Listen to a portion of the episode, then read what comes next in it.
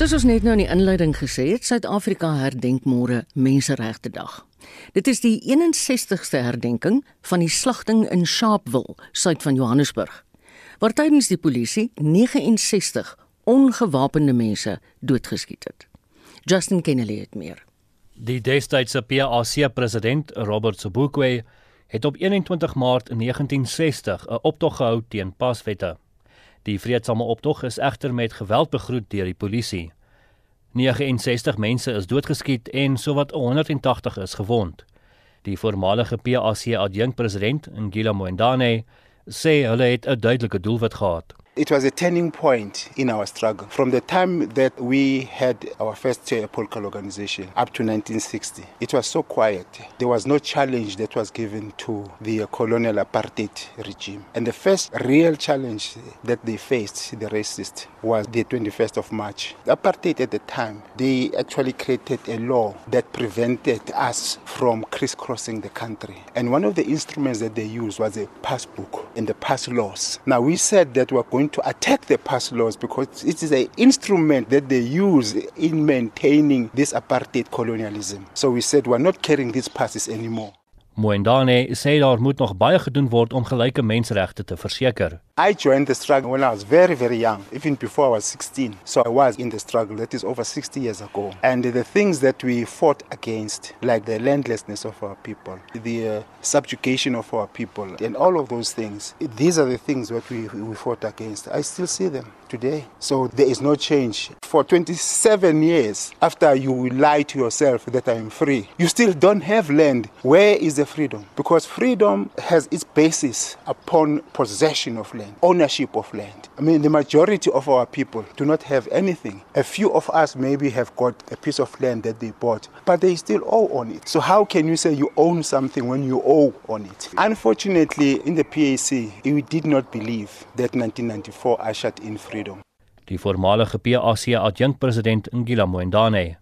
Die verslag deur Ntebo Mokobo en ek is Justin Kennerly vir SI Garnis.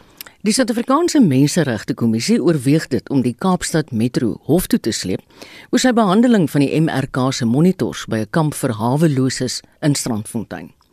Die stad het in Mei 2020 'n interdik bekom wat die MRK verhinder het om die Strandfontein hervestigingskamp binne te gaan. Die Wes-Kaapse Hooggeregshof het die week die interdik tersyde gestel en die metro gekritiseer vir sy behandeling van die saak. Ons praat nou met die Wes-Kaapse kommissaris van Menseregte Kommissie, Andrei Gam. Goeiemôre Andrei. Goeiemiddag.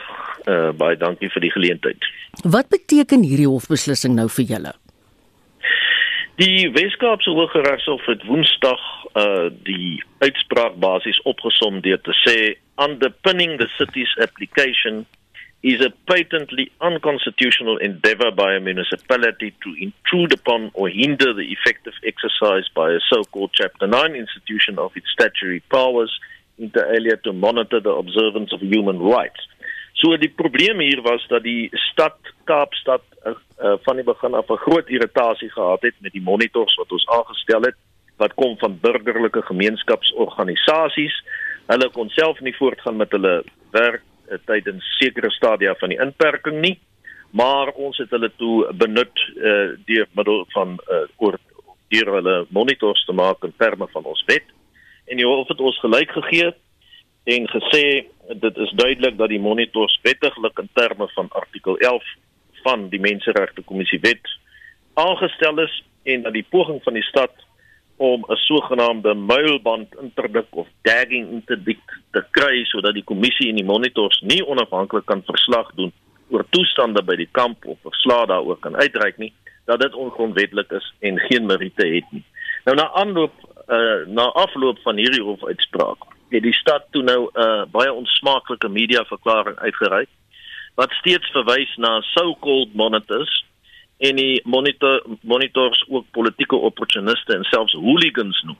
En dit is 'n flagrante ignorering wat ons betref van die hofuitspraak en 'n ongrondwetlike aanval op die Menseregte Kommissie en ook kommissaris Chris Nissen in die besonder wie hulle beweer die politieke opportuniste en hooligans ontplooi. So in die lig hiervan oorweeg die kommissie nou ons regsopsies aangesien daar 'n grondwetlike plig op staatsorgane is soos die hof ook uitgewys het om die kommissie by te staan en te beskerm om haar onafhanklikheid, onpartydigheid, waardigheid en effektiewe funksionering te verseker. Om uh, hierdie plig te versaak is selfs 'n misdaad in terme van die uh, MRK-wet. So watse stappe oorweeg julle Andre? Wel in die stadium neem ons regsadvies oor uh, wat die mees gepaste wyse sal wees om hier op te tree soos uh, ek aangedui het is dit selfs 'n 'n misdaad mm. om nie die kommissie by te staan op hierdie maniere nie maar dit kan moontlik vorm aanneem van 'n hofaansoek of uh, ons ons neem regsadvies in die verband. Help my om beter te verstaan, gaan hierdie hofuitspraak 'n wesentlike invloed hê op die mense van die Strandfontein kamp? Wel die Strandfontein kamp as sodanig is uh, reeds gesluit deur die stad Kaapstad. So ehm um, uh, in in die sin dat die monitering wat daar gedoen is en die verslae wat geskryf is nou uh, uh moontlik uh, benut sal kan word om die beskerming van daardie mense se regte te verseker of dan die die ehm um, die uh oortreding van hulle die die violation van hulle van hulle regte mm. aan te spreek sal dit wel 'n uh, uh, groot rol kan speel ja. Baie dankie dit was Andre Gam die Wes-Kaapse kommissaris van die Suid-Afrikaanse Menseregte Kommissie. Die Kaapstadse burgemeester Dan Plato het ingeluister na die gesprek met Gam en ons gee hom nou 'n spreekwoord. Goeiemôre Dan. Goeiemôre. Eerstens jou reaksie op die hofbevel dat die interdik tersyde gestel word? Maar ons is uh gelukkig daarmee. Ek uh ek dink dat ehm um, dit het nie so seer gegaan op 'n aanval teen die menseregte kommissie per se nie. Uh dit het gegaan oor die feit dat ons van mening was uh, dat uh, die menseregte kommissie oorbodig was oor oor wat stad Kaapstad doen rondom die kwessie van uh straatmense per se. Ehm uh, ek self het aan die menseregte kommissie 'n brief geskryf en hulle sê as hulle die terrein wil besoek, moet hulle ons ons ons laat weet. Uh, die kommissielede daag enige tyd van die dag op en dan moet die personeel bond staan om hulle te akkommodeer terwyl ons besig was om met die met die straatmense te werk uh, op verskillende vlakke van dit wat hulle nodig gehad het op daardie stadium. Uh, maar dan ook uh, terwyl ek self uh, Stadfontein by geleentheid besoek het, het uh, ek agtergekom dat die menseregte kommissie monitor soos wat uh, Andre Gam dit dit uitlig dat hulle dan ook met grootskaalse uh, NPO's ehm uh, by die terrein opdag wat dan saam met die kommissielede toegang het tot die terrein. Ons het dit ehm um, uh, gesien as inbraakbak op op op die regte van die inwoners by Strandfontein en dan ook op die regte van die personeel wat dan na al die groepe mense wat die terrein kom besoek eh uh, moet aandag hulle met hulle normale take staak en en dan ehm uh, uh, aandag aan mense wat allerhande 110 000 tipe vrae het om te vra asof stad Kaapstad alles doen wat verkeerd is volgens hulle. Uh politieke partye by geleentheid was saam met van die monitors by uh, by die terrein uh, toegang geëis tot die terrein en obviously was dit vir ons 'n probleem maar uh, as gevolg van al hierdie politiekery moes Strandfontein toe uiteindelik toemaak. Ehm um, so die die ons applikasie na die hof toe het niks te doen met 'n aanval teen die menseregte kommissie. Dis ook kyk selfs die menseregte kommissie is nie immuun teenoor kritiek nie. As ons as 'n uh, gewaardeerde munisipale instelling van die regering van mening is dat die menseregte kommissie sekere terreine van hulle rol oorskry in hierdie geval was ons van mening dat dit gedoen is. Uh glo ek het ons as 'n stad die reg om ons stem daaroor te lig. Dit is presies wat ons gedoen het. Ons het geen probleem met uh, rondom samewerking met die menseregte kommissie op op enige terrein nie. In die verlede het ons baie goed met hulle saamgewerk. Ek dink net en ek is net van mening dat die kommissie by tye wat Strandfontein aan betref 'n bietjie sy rol 'n bietjie oorspeel het. Dit is al. Maar ehm um, uh, ons ondersteuning vir die regte van van ehm um, straatmense mense gaan voort. Ons het verskeie kampe wat nog steeds in en om Kaapstad opereer aan die gang is uh, wat uh, straatmense huisves en en al ons uh, voorsiening van die nodige regte van daardie mense soos die voorsiening van van gesondheidsdienste, die voorsiening van water, die voorsiening van kos in baie stadiums aan daardie tipe mense dit gaan onverpoest voort. Baie is eintlik baie jammer dan, hè, as jy mens nou luister na julle beide dan is daar vir my so effense semantiese en selfs politieke vers, verskillende interpretasies en die arme mense, die inwoners van Strandfontein het uiteindelik daaronder gelei. Wat gaan die MRK nou do, wat gaan julle doen as die MRK nou wel hof toe gaan? Man, maar Marita, ek ek dink jy som dit skitterend af. Wat ek nie wou gesê het nie, want ek wil nie hier by 'n politieke debat betrokke raak.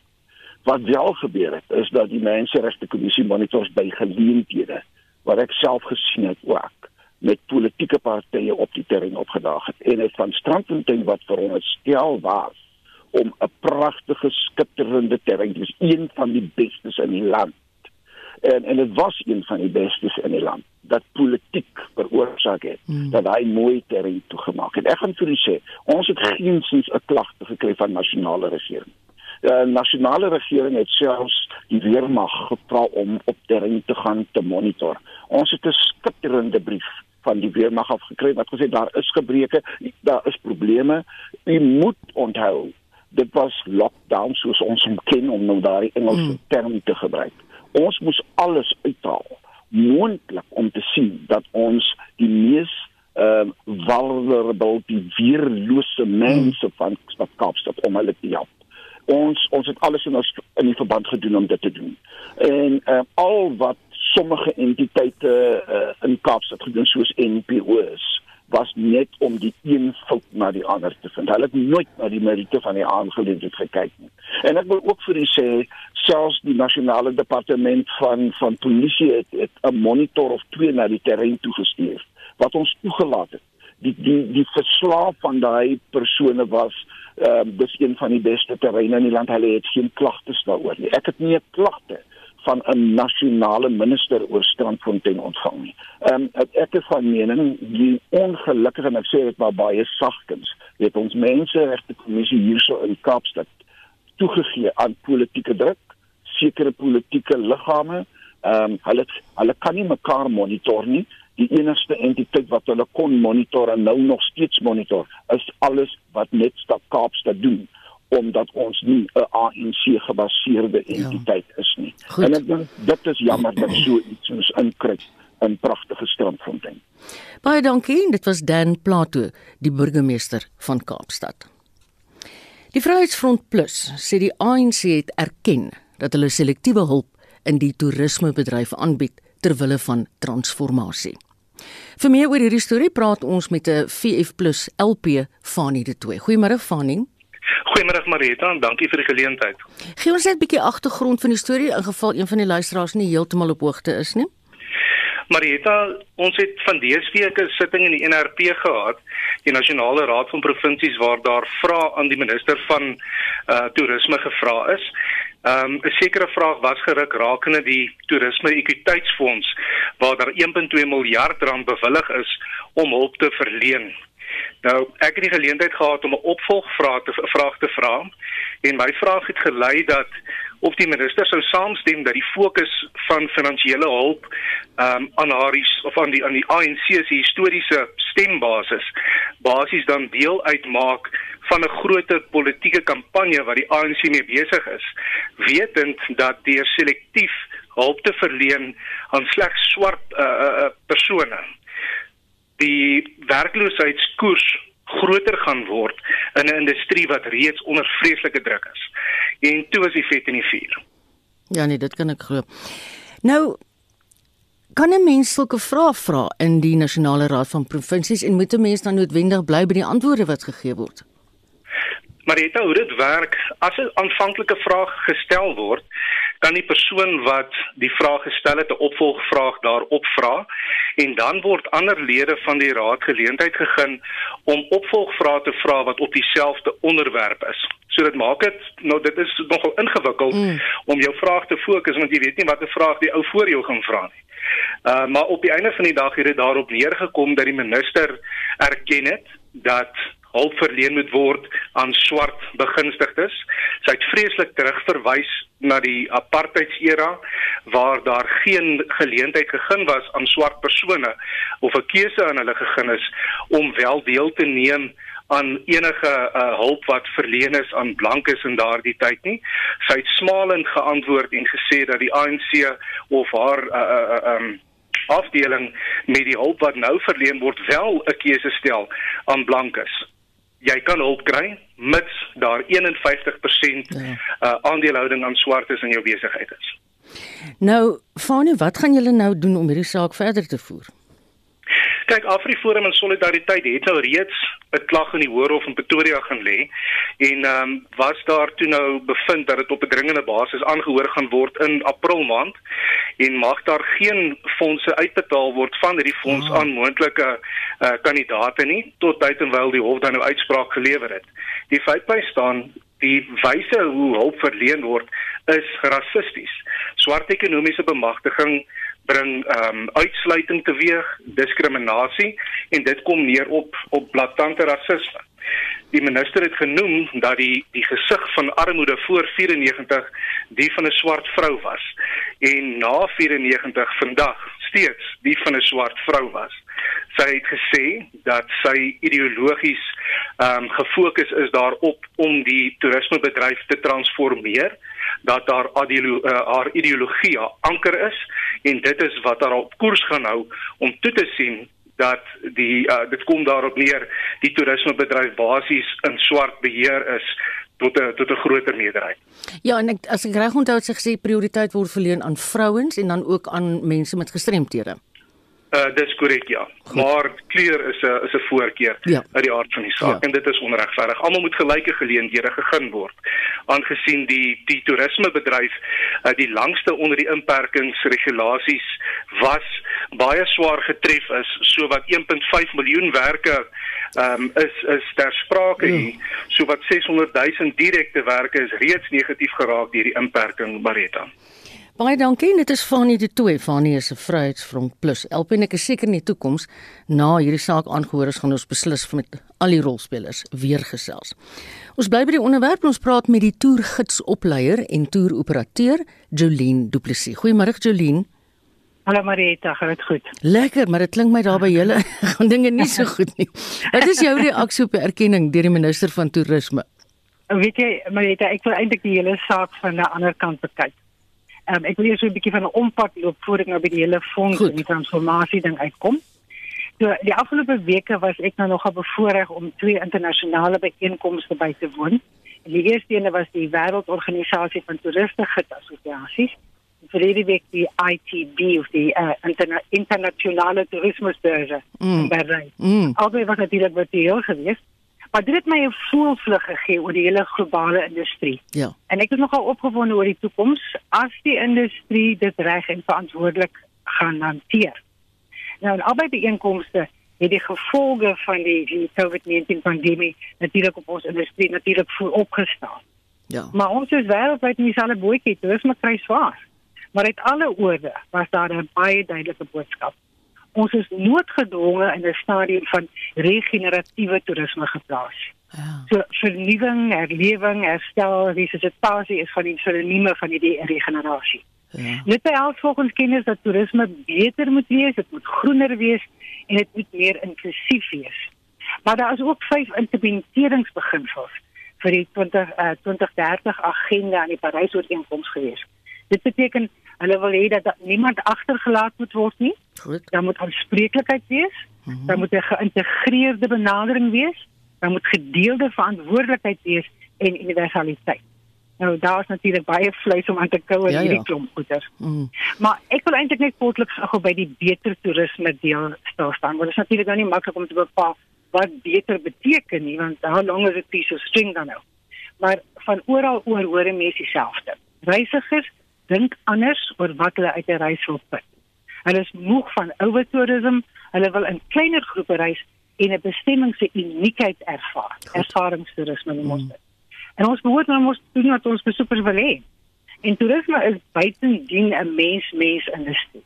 En baie baie selde kry jy daai menskontak in 'n groot 5-ster hotel. Die groot geldmense. So 5-ster hotel is mos nou maar basies dieselfde of jy nou in Berlyn of Moskou of New York of Sydney of Kaapstad bly, hulle lyk maar baie dieselfde. En dit is juist ja. by hierdie klein gastehuise en die homestay wat jy kontak kan maak met die mense van die land. Kom ons kom terug na my oorspronklike vraag toe Jolien. Ja. Het jy of jou kollegas al ja. die sogenaamde beweerde finansiële diskriminasie ervaar? Nee, nie wat ons nie in hierdie stadium nie. Kyk, ons ek praat nou saaklik van van die toeriste gids se kant af. Um, ons het eh, ons het ondersteuning gekry um, in 'n baie klein mate en met baie gesukkel het ons wel 'n klein bietjie ondersteuning gekry maar daar was nie diskriminasie nie. Die gids het almal dieselfde um, goed aandag gekry. Ja. Baie dankie. Dis Jolien Du Plessis, 'n toergidsopleier en 'n toeroperateur. Die swart bestuursforum sê Eskom se bestuurshoof, Andre de Ruyter, moet geskort word hangende die ondersoek van rasisme teen hom. De Ruyter het maandag gesê hy verwelkom die ondersoek, maar sal nie op sy staan terwyl hy die kragreus uit die moeilikheid moet kry nie. Die president van die bestuursforum, Andile Lomlala, sê die organisasie voel al 'n geruime tyd dat die ruiter nie die geskikte persoon is om Eskom te lei nie. You would assume that when the board decides to lodge an investigation over the CEO, they have perhaps assessed the gravitas of the allegation and make a call. But there are key four rules, and uh, Stephen, about dealing with this type of situations. One, if the, the process of investigating a CEO must not only be fair, it must also be seen to be fair. You can't just have a process that you wouldn't be able to exclude a person so that the process can be seen to be fair. The second thing is that there's an inherent risk, uh, Stephen, that the presence of the person being uh, investigated, especially at the CEO level, will intimidate witnesses. If these are the basic governance rules that any board member should should be aware of. And the third risk is that, uh, Stephen, that the person, especially Andre at that level, would would would be able to conceal some of the the information that could lead to him being uh, uh, convicted of the allegation.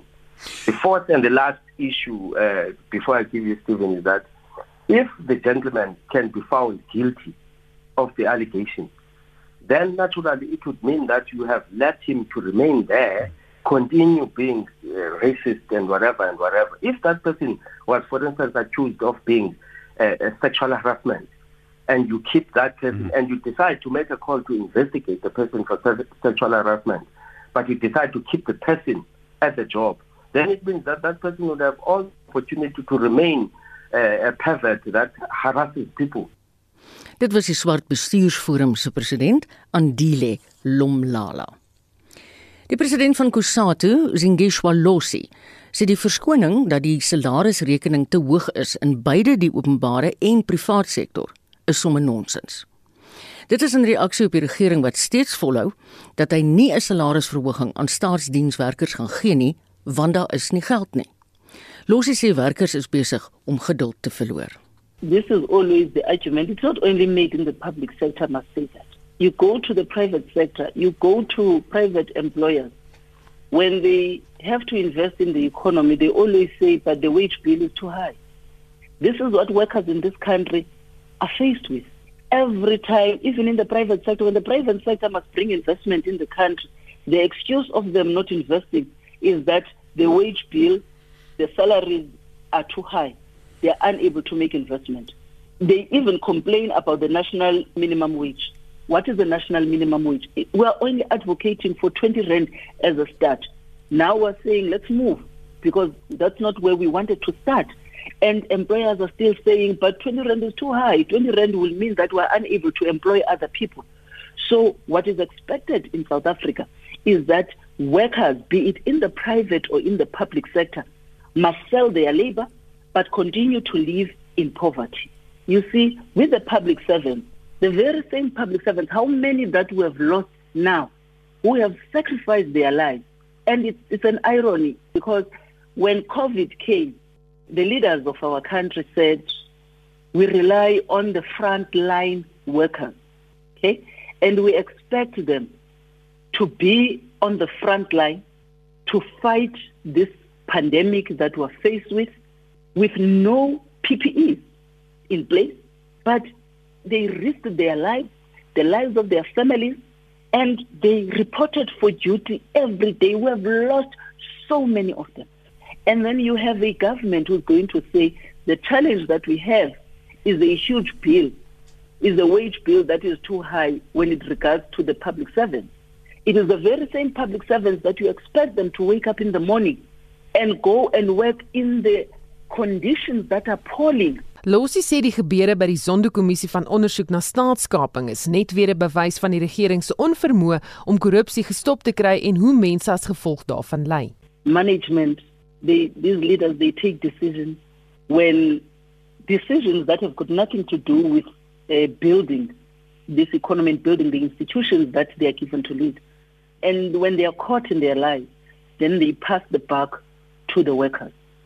And there are no consequences. They get golden handshakes. They leave. They get huge bonuses. They leave. They get to be deployed elsewhere. They go there. They when they mess up, they get golden handshakes. They leave. Who suffers? It is the workers on the ground. It is the blue collar workers that get to be sacrificial lambs because of these decisions that are taken that got nothing to do with the institution, that have got nothing to do with the workforce itself. That is why we support the Zondo Commission. That is why COSATU was at the forefront when we marched against corruption and we called for a commission of inquiry into the capture of the state. What we want to see, it is not just people going to the Zondo Commission and saying things and then go on Twitter and tweet and it becomes a Twitter commission who said what, believe me, don't believe me. We wish to see this evidence presented must be tested in the court of law. So sê die president van Kusatu, Zingishwa Losi, Susan Paxton, het hierdie verslag vir ons saamgestel. Ek moet sê, ek is gewoonlik so kalm soos 'n psalm, maar as ek in my karretjie klim, raak ek 'n monster. Ja, dis presies dit. Ek dink dis wat met Magnus gebeur sodra die vliegtyg in die lug is. Hy wil alles en almal beheer. Hoe raak jy as jy vlieg? Stil. Vir my die beste plek om te wees. Iewers tussen die hemel en die aarde.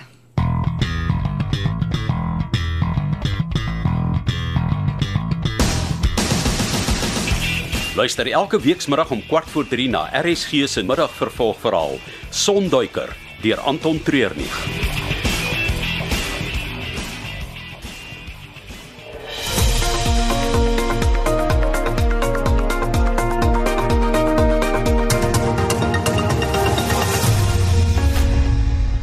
Is ingeskakel op RSG, dis die program Naweek Aktueel 29 minute voor 1. Ons het net nou 'n lywige bydrae oor al die sport van die naweek. Tanzanië se nuwe president, Samia Suluhu Hassan, is gisteroggend ingehuldig, 2 dae na die dood van haar voorganger, John Magufuli. Hassan was sedert 2015 Tanzanië se adjunkpresident. Sy is ook Tanzanië se eerste vroue president. Ons praat nou met 'n senior navorser by die Instituut vir Sekuriteitsstudies, Liesel Lou Wolderen. Hallo Liesel. Hallo Marita. Vertel ons 'n bietjie van Samia Suluhu Hassan. Waar kom sy vandaan? Hoe dit gekom het sy in die politiek is? Ja, dit is eintlik baie interessant. Sy kom van Zanzibar. Ehm um, so en jy weet as jy daar's 'n federale stelsel tussen hmm. Zanzibar en die res van Tanzanië. So sy's 'n 'n moslim vrou sy was nie heel ehm um, van uh, hoe kan ek sê vroeë dae in die in die politiek nie sy in die regeringsorganisasies en so betrokke geraak. Sy ehm um, maar sy het toe in die CCM die regerende party daar het sy begin betrokke raak en soort van toe is sy deur die vorige president Jakaya Kikwete as 'n minister aangestel vir jeug en vroue, jy weet. Mm. Um en en toe later in 'n belangriker posisie as minister van die Unie. So kwessies wat dan nou tussen Zanzibar en die mainland is hulle sê betrokke. Uh jy weet, um is in 2015 was dit nogal verbasend toe sy as um uh uh verkiesingsmaat uh vir jy weet ja. verkies is deur mm. Makufuli. En so so ehm um, ek dink dit is interessant dat sy deur die hele baie woelige paar jaar van Magufuli se eerste termyn en sy tweede termyn eintlik um aan bewind uh, gebly het, jy weet. Um en ook dat die oorgang so redelik vreedsaam Ja. plaasgevind het. Jy weet, Mm. dit uh, ons het eintlik onstuimigheid verwag omdat daar's baie mense wat gekant is teen haar as ehm um, president nou van Tanzanië. Jy kan maar net dink al die mans daar. Ek wil nou net sê want sy's 'n vrou en ek is Ja. seker dit dit is nie vir haar maklik op die oomblik nie. Absoluut, absoluut. En sy soort van 'n 'n 'n baie ehm um, beskeie soort van ehm um, Ja. jy weet soft spoken Mm. en uh uh, uh en en 'n moslimvrou en so definitief nie maklik vir haar nie. En daar's 'n hele paar regtig baie magtige mans daar rondom haar. En ehm um, so uh, jy weet uh Ja. ehm um, Sal sy kan staande bly, Liesel? Sy sal. Ek dink Tanzanië het darm deur die laaste uh, sure, sedert die 60er jare dieselfde party in bewind gebly, SEM. Goed. Uh so uh, en en soos ek sê die oorgang is streng volgens die ehm um, grondwet uitgevoer. So ons hoop darm dat daar uh jy, jy weet dit Ja. gaan nie vir maklik wees nie, maar ek dink ehm um, as uh, ons is tog in 'n era nou waar vroue leiers Mm. ehm um, nie net aanvaar word maar soort van op die hande ge- gedra word en en aangemoedig word Ja. sou mense hoop jy weet. En veral nou met Kamala Harris ook. Magafuli ja. was baie skepties oor die bestaan van COVID-19. Weet ons enigsins wat Absoluut. Hassan se standpunt oor die pandemie is? Ja, dit gaan nou die absolute sleutelkwessie wees om te besluit, weet om te sien tot watter mate sy wel uh Sukses dan nou, ons het 'n paar jy weet op Twitter 'n paar uh foto's gesien waar sy nou 'n masker dra en mense het gesê kyk nou dis amper soos Biden wat nou by Trump oorneem jy weet dit gaan nou 'n 'n nuwe era inlei. Daar's definitief baie druk op haar. Van die internasionale gemeenskap die wêreldorganisasie 'n gesondheidsorganisasie jy weet. Ehm um, Magufuli het die wêreldgesondheidsorganisasie uit Tanzanië uitgeskop. Hy wou absoluut geen maatreëls ehm um, instel nie geen ehm um, inentings is bestel vir Tanzanië nie dit was 'n groot dit is nog steeds 'n groot kopseer vir veral die buurlande Kenia ehm um, Ja. Uganda en so want hulle weet daar's natuurlik mense ehm um, reis vrylik Ja. oor al die grense. Ja. En so ehm um, daar sal druk op haar wees om nou Tanzanië net eenvoudig 'n bietjie uh, in die rigting te kry van waar hy uh, ook deel is van ehm um, die Afrika Unie se Ja. ja. hele uh, anti-COVID stryd, ja. Baie dankie Liesel, geniet die res van jou naweek. Dis Liesel Lou Waldron, 'n senior navorser by die Instituut vir Sekuriteitsstudies. Ek het net nog gedreig dat ons 'n heerlike vet aanbod wat sport betref vandag gaan bied. Pieter van der Berg is die man met al die inligting. Hallo Pieter. Middag sê Marita. Kyk, ek wil vir jou sê, as jy baie moeg in die aand by jou huis kom en jy daai tenniswedstryd gemis en jy sien die heruitsending is 10uur en jy Ja. bly wakker en jy kyk vir hom end uit, dan moet jy weet daar's opwinding.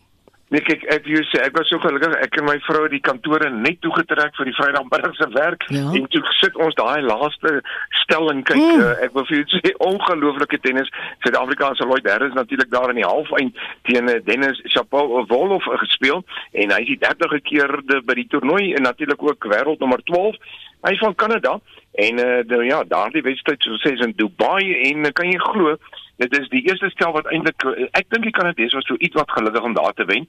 En toe die tweede stel is dit Lloyd wat 4-2 agter was. Ja, Ehm, en hy teruggeveg 6-4 te wen daar en toe is dit in die valbuil in die derde wat hy toe nou natuurlik wen om deur te dring aan die eindstryd. Maar 'n ongelooflike um, halfeind. Hy's in die eindstryd en hy sal speel teen Aslan Karatsev wat sy landgenoot uh, Audrey Rublev geklop het in drie stelle. En daardie eindstryd Marita vanmiddag om 5:00. Dis presies wat ek wou vra. Okay. Dit is 5 uur sê jy. Want ek weet daar's sokker ook aan die gang, maar ag, rugby. Nee, ek moet eerlikwaar sê, ek kry die indruk as jy vat al die groot name wat hy reeds geklop het. Ek meen ek het nie gedink hy gaan verby Kane Chikori kom nie.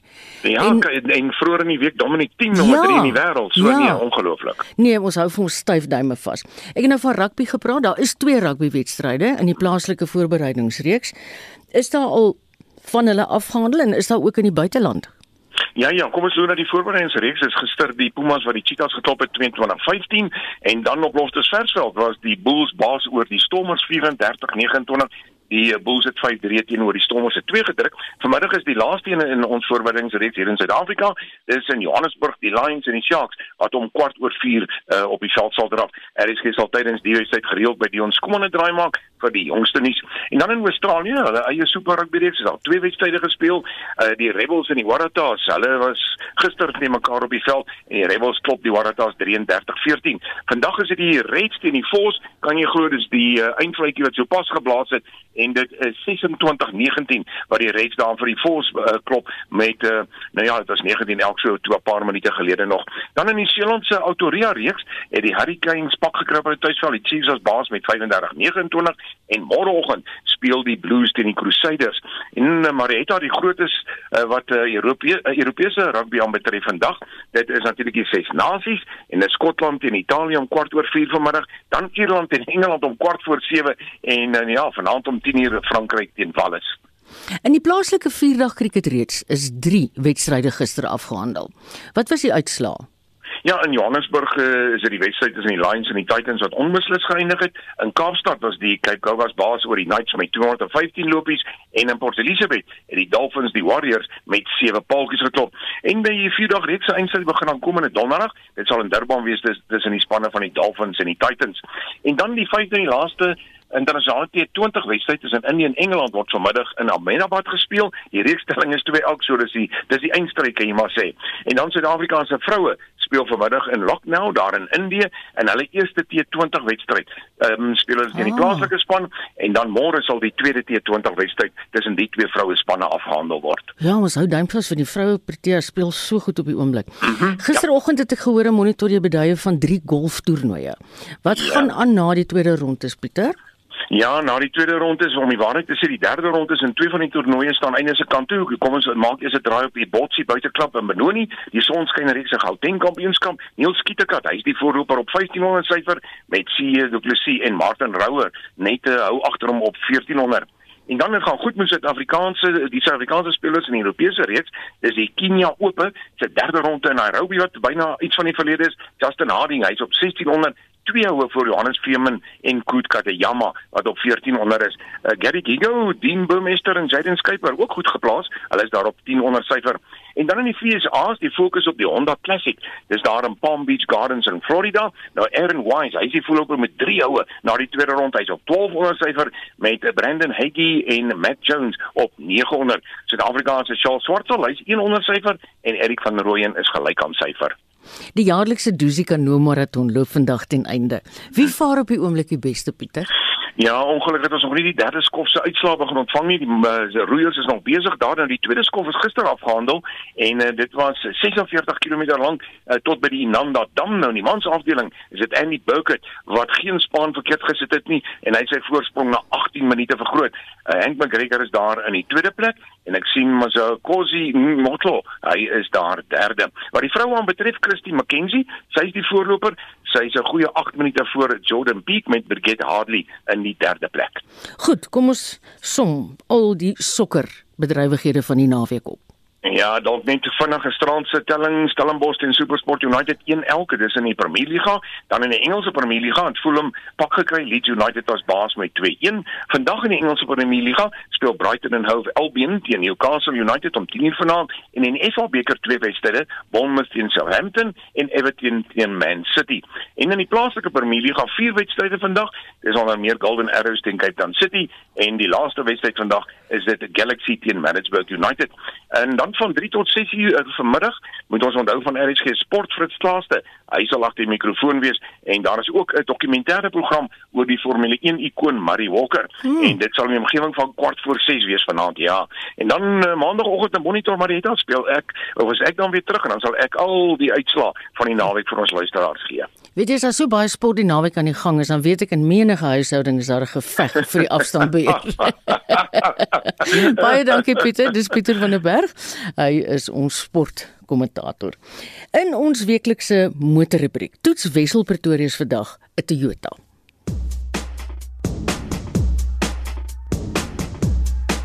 Die gevolg van die vennootskap tussen die Toyota Motorkorporasie en Suzuki in 2019 begin nou op ons vertoonvloere verskyn. Almal vanuit Indië, dis goedkoper om daar te maak en die wisselkoers is meer gunstig. So die Toyota Starlet lykerig is niks anders as 'n Suzuki Baleno nie. Laasgenoemde is al 'n paar jaar by ons op die mark in Volkswagen se Polo Vivo klas. En pas ook die Toyota Urban Cruiser wat niks anders is nie as 'n Suzuki Vitara Brezza waar hulle in die Ford EcoSport segment meeding. Selfs my toetsmodel, die Lexus Starlet 1.4 XR, se 16 duim alloy wiele en bande is identies aan die Baleno se. Al verskil aan die buitekant is die sierrooster se afwerking en natuurlik die Toyota kenteken voor en agter. Teen net oor die 260 000 rand kom die XR model goed toegerus. Solank jy die sleutel by jou het, kan jy die voertuig oopmaak deur 'n eenvoudige klein swart knoppie op die deurhandvatsel te druk. En dan is hier ook 'n knop vir die aan en afskakel van die masjien. Met ander woorde, niks gevroetel met 'n sleutel by die stuurkolom nie. Heelwat veiligheidskenmerke, ses ligsakke, traksiebeheer, opvallende dagryligte voor en as jy 'n trierad gooi, 'n triebeeld op die sentrale skerm, as ook drie sensors. En op die lekker leerstuur sit die kontroles vir die togbeheer, foon as ook jou radiokontroles. Hier's ook klimaatbeheer en jou hoofligte kan op en afstel. Maar wel en aardig is nou maklik om in te klim en die kar aan te sluit. Die bagasiedeksel het nie 'n skakelaar binne in die kar om hom oop te maak nie. Jy moet fisies na die kattebak toe stap en 'n knop daar druk. Die vermaak en inligtings raakskerm is netjies uitgelê en kan ook verbind met Android Auto en Apple CarPlay. Die bagasieruim is verbasend diep. Hoewel jy heel onder net 'n Maribesky spaarwiel het. En so gepraat van spasie, ek kan eintlik nie glo hoeveel beenspasie hulle in hierdie kar van 4 meter ingebou het nie. So met die bestuurder se sitplek gestel vir my lengte van so 1,92 meter. Pas ek agter myself in sonder dat my knieë die voorste sitplekke raak. So vier lang groot mense pas gemaklik in die staal het.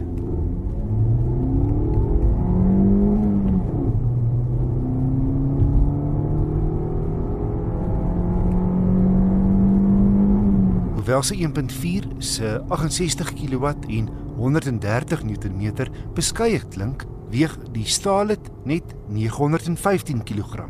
So kraglewering is heel billik. Kar 0 na 100 in 10,9 sekondes afgelê vyf ratte vorentoe maar slim gerad.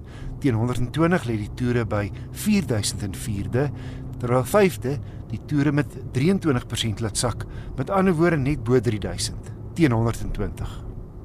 Sy uitstekende brandstofverbruik staan uit. Op my gekombineerde stad en ooppadroete het ek 5,5 liter per 100 km gemeet. Die ritgehalte is goed met min padgeraas wat die kajuit binnendring maar die stuur is effens aan die vaarkant. My gevolgtrekking, die Toyota Starlet XR bied teen R263700 meer toerusting as die Polo Vivo.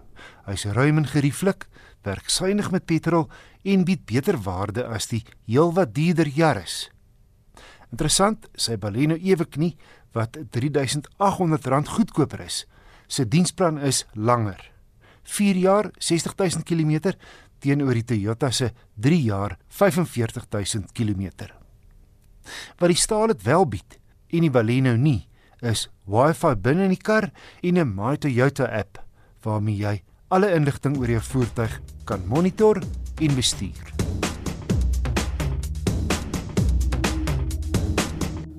Klink vir my maar gevaarlik daai Wi-Fi binne in die kar. Dankie Wessel Pretorius. Nou gaan ons landbou toe.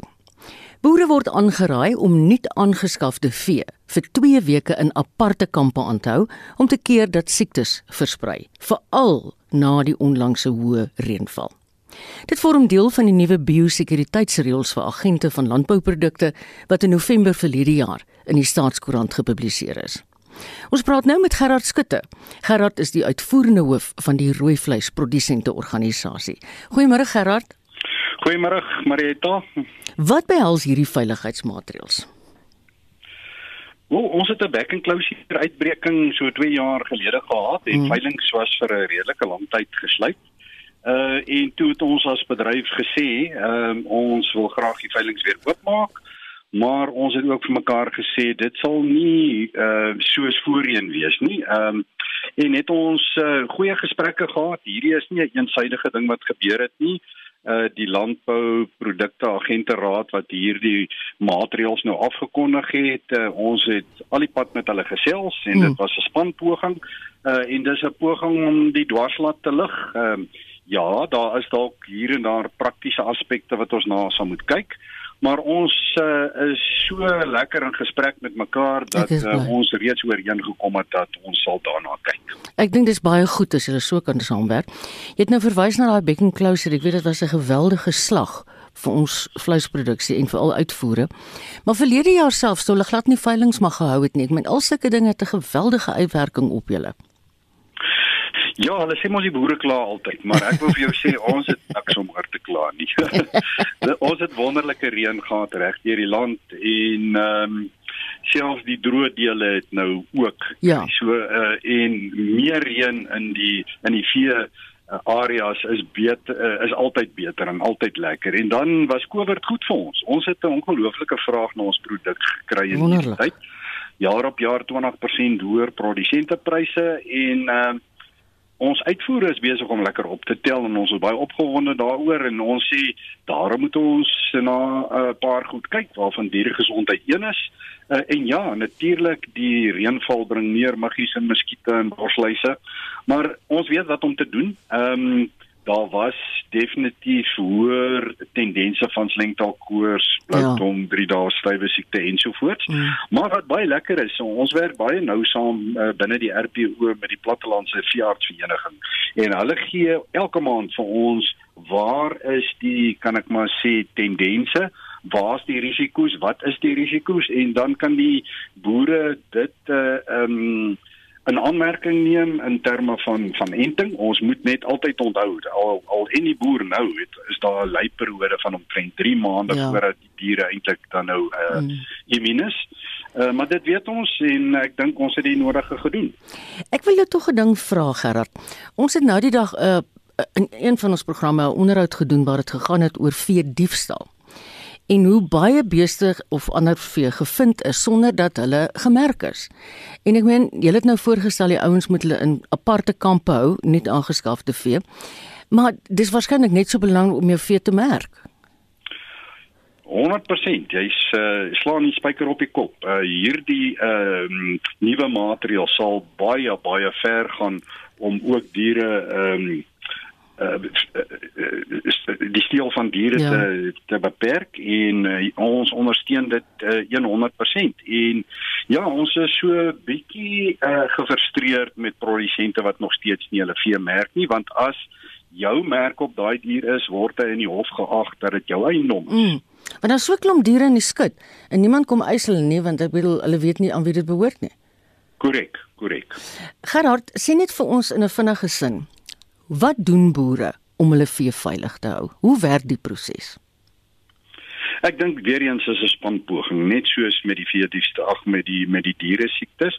Ons het nege provinsiale veediefstal forums, ons is 'n nasionale veediefstal forum wat hoofsaaklik deur die RPO gedryf word, maar aan die einde van die dag gaan dit eers wat oom Piet op sy eie plaas doen. Mm. En as hy die goed merk en uh, ons ons sien maar die staan kamera stelsels samewerking binne die boerevereniging. Ja. Dis dis is goed wat werk. Gerard baie dankie, dit is altyd interessant om met julle te gesels. Dit was Gerard Skutte, die uitvoerende hoof van die rooi vleis produsente organisasie. Van die landbou na iets heeltemal anders. Die Suid-Afrikaanse dokumentêr My Octopus Teacher is benoem vir 'n Oscar-toekenning.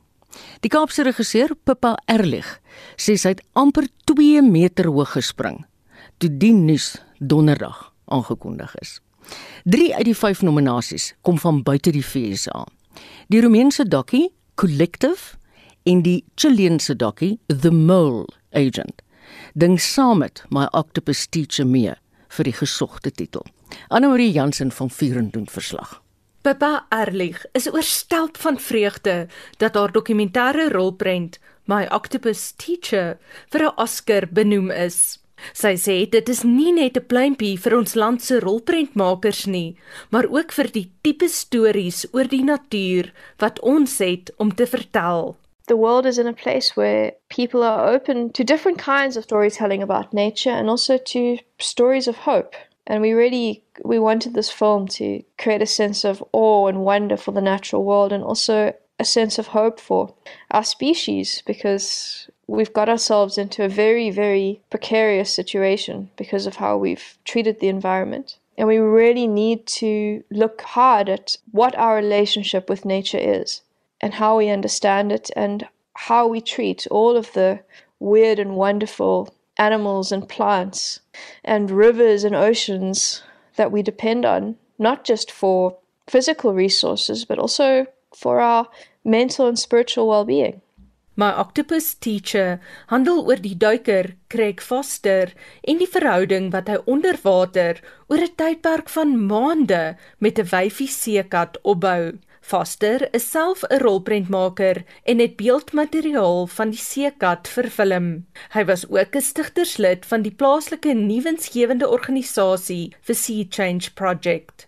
Daarom het hulle besluit om 'n dokumentêre rolprent te maak as deel van die organisasie se doelwit om die sogenaamde Groot Afrika Akwatiese Woud te bewaar.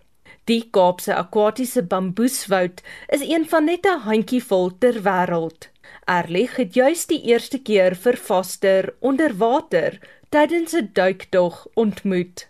On this dive, we went in with no wetsuits and I've been diving in Cape Town since I was in my early 20s. I've been swimming here since a child, but from the minute we walked into that environment, I just felt like I was seeing this place for the first time. And it was because Craig has spent so much time learning to understand the kelp forest and the intertidal zone, and he's able to find animals and identify behaviors that I just never thought were possible. Dit was Erlich se rol om 'n dokumentêre rolprent uit Foster se beeldmateriaal te skep en ook bykomende materiaal te vervilm. Sy moes ook die regie behartig van die tonele wat agterna van Foster vervilm is, van hoe hy duik en tussendeur die seewier swem. SAK nuus het vir Erlich gevra hoe dit werk om 'n regisseur onder water te wees. How you direct that is you just come up for air every now and again and you speak to the cinematographer and you speak to the subject and you choreograph the scenes that you're going to film. And of course, a lot of the directing actually happens in the edit. You are sitting for many, many, many hours a day, going through your footage, listening to your interview, creating magic with sound and image, and bringing the story to life. My octopus teacher, se storie het 'n hartseer einde het Erlie getraan gestort toe sy die eerste keer die volledige film gesien het. Eintlik het dit volgens haar reeds gebeur toe sy die storie opsomming op papier gelees het. You know, I've shed many tears in the process of making this film. I, I think that's the process of filmmaking. And I think that I've probably I felt very emotional when I read the treatment, in fact. The very first time Craig sent me the treatment and asked if I wanted to be involved, I remember sitting at my desk at work and bursting into tears and that's happened fairly regularly throughout this process. The first time I looked at the footage and I saw the footage of her arm being bitten off, and then the footage of her being carried off into the misty forest by the shark. All very, very emotional, emotional scenes, even without the music. And that's the the magic of film is that you can bring music and color onto a piece of footage, and, and that footage it was very easy to put feeling into. Dit was die dokumentêre rolprentmaker Pippa Erlich wat vir 'n Oscar benoem is en ek is Anne Marie Jansen van Vuren vir SAK nuus.